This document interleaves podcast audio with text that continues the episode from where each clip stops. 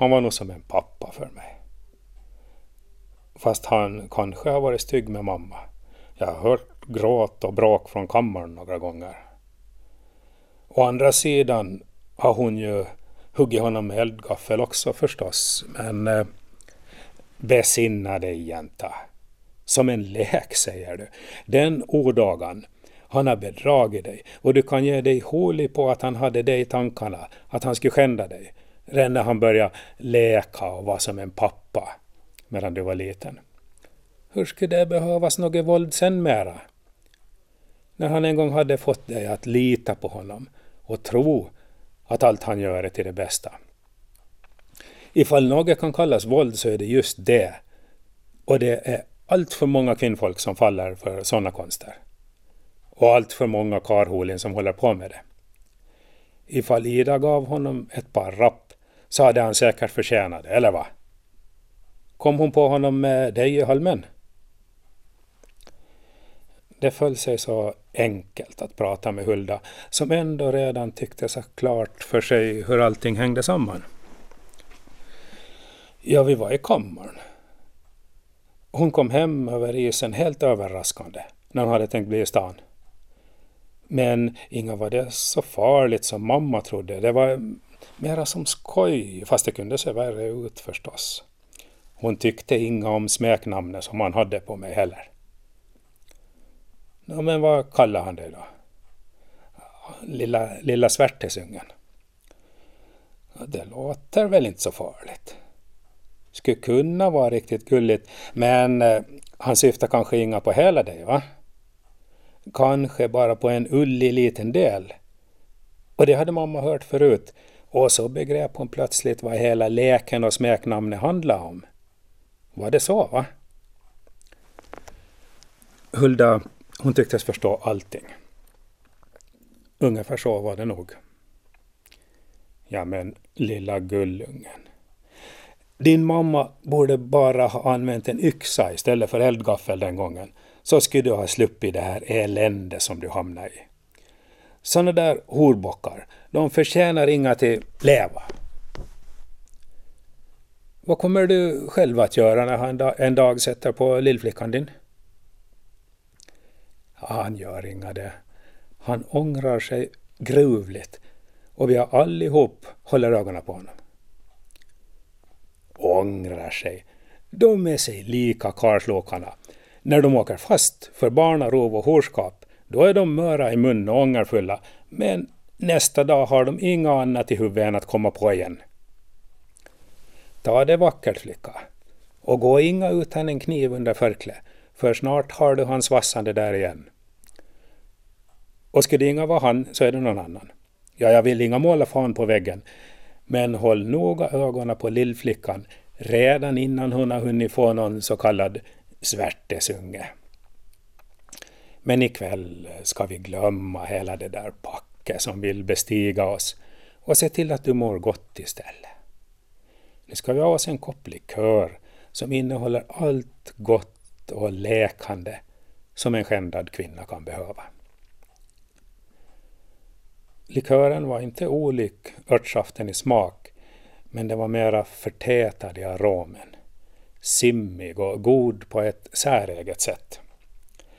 En säregenhet som tycktes bära hemligheter från rotverk, mycel, bark och frön, vilka var okända i gängse safter och dekokter? Och kunde ha verkat skrämmande ifall den inte serverats av Hulda, som föreföll vara allseende och allvetande. Hemifrån var Elina van vid stor enkelhet, men även vid lika stor renlighet och hade haft lite svårt med de första klunkarna och tuggorna från Huldas kärl. Den kloka gumman hade visserligen ansträngt sig för att ansa sin matfrå, men ändå inte sträckt sig så långt som till att nyttja diskbalja och borste. De första saftklunkarna ur en flottig bläckmugg hade gått ner med kvällning mellan sammanbitna tänder. Men efter det gick allting lättare. När det kommit till tredje glaset likör syntes nästan en kristallglans i dryckeskärlet och matvrån hade fått drag av salong. Hulda hade föryngrats.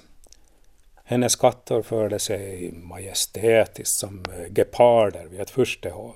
Och råttorna, som det inte längre gitte jaga, tassade omkring som knähundar från Peking. Samtalet började lämna brutala mäns illistiga anslag för ett högre plan kring tillvarons rikedom och möjligheter. Inga har han där våldtäktsmannen några faderliga rättigheter. Han ska inga få träffa lilljäntan. Släng ut honom från ert liv och glöm den holi. Vi behöver inga lortgobbar. Ifall vi kvinnfolk bara lär oss hålla ihop så kan vi reda oss själva och bli fria från deras brunstiga förmynderi och bygga en ren och vacker värld. Vi har krut och ångkraft. Och om oljans möjligheter kan vi bara ana ännu. Så vi behöver inte gobbkraften på samma sätt mera. Det är nya tider. Vi behöver inga släppa dem på oss mera.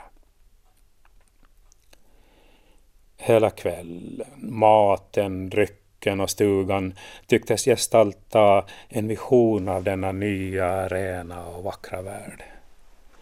Talgljusen glittrade i bläckplåten. Stockväggarna hade fått marmorlyster och jordgolvet hade förädlats till ekplank med björnfällar på. Gummans torkade örtknippen hängde som liljor under taket och spred doft av orkidé.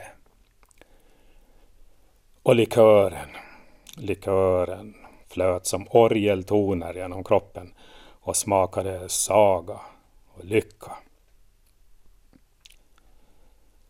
Barnen våra får leva för allt det vackra och goda, mumlade Alina drömst.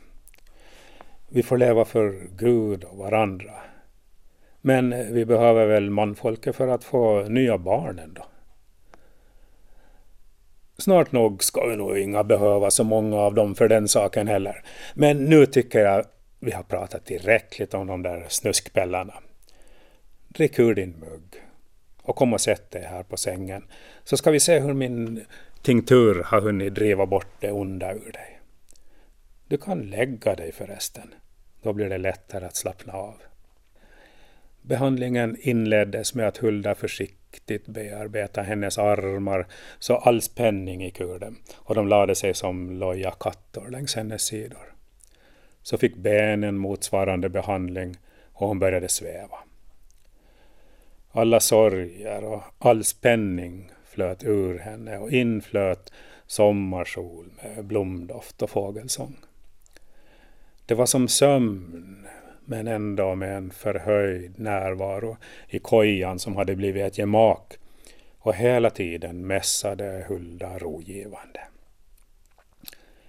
Det ser fint ut med dig jänta. Du ser fin ut. Starka långa ben, mjuk och len i skinnet, rosig, fast i hullet. Blunda och slappna av i nacken. Nu kan du rulla över på rygg. Mm. Magen har gått tillbaka vackert. Försök äta mycket fisk, fast det lär du väl göra redan. Och mjölk har du gott om känner jag. Och brösten är mjälla och knubbiga som bondostar. Alena kände Huldas händer varsamt knäppa upp bluslivet för en grundligare undersökning. Trots att hon för övrigt var väderbiten och fläckad av såväl pigmenteringar som av vårtor, kära, sot och matrester var handflatorna släta och mjuka. Det enda som tidigare hade rört vid hennes bröst var farbror Kalle och hennes egen lilla dotter och hon hade från början tyckt mycket om bägges hantering. Men Hulda berörde henne med större sakkunskap och stor ömhet. Vällusten börjar kittla henne och snart måste hon stöna lite belåtet när undersökningen koncentrerades till bröstvårtan. Så mjuka fingertoppar kunde väl ändå inte den torra tanten ha. Det kändes mera som en tunga. Mm, mjölken smakar fint också, smakar Hulda. Nu ska vi se hur det står till med lilla Murran. Den lilla dunungen. Alina stelnade till en aning. Uttrycket lät för bekant. Hela undersökningen började egentligen kännas lite som farbror Kalles pysslande för länge sedan. Hon kände Huldas tunga jobba sig neråt magen. Hon öppnade ögonen och såg ljusglittret och blomsterprakten. Hörde toner som julmässan i kyrkan och kände doft av sommarhagar. Allt det ljuvliga låg inbäddat i milda dimmor.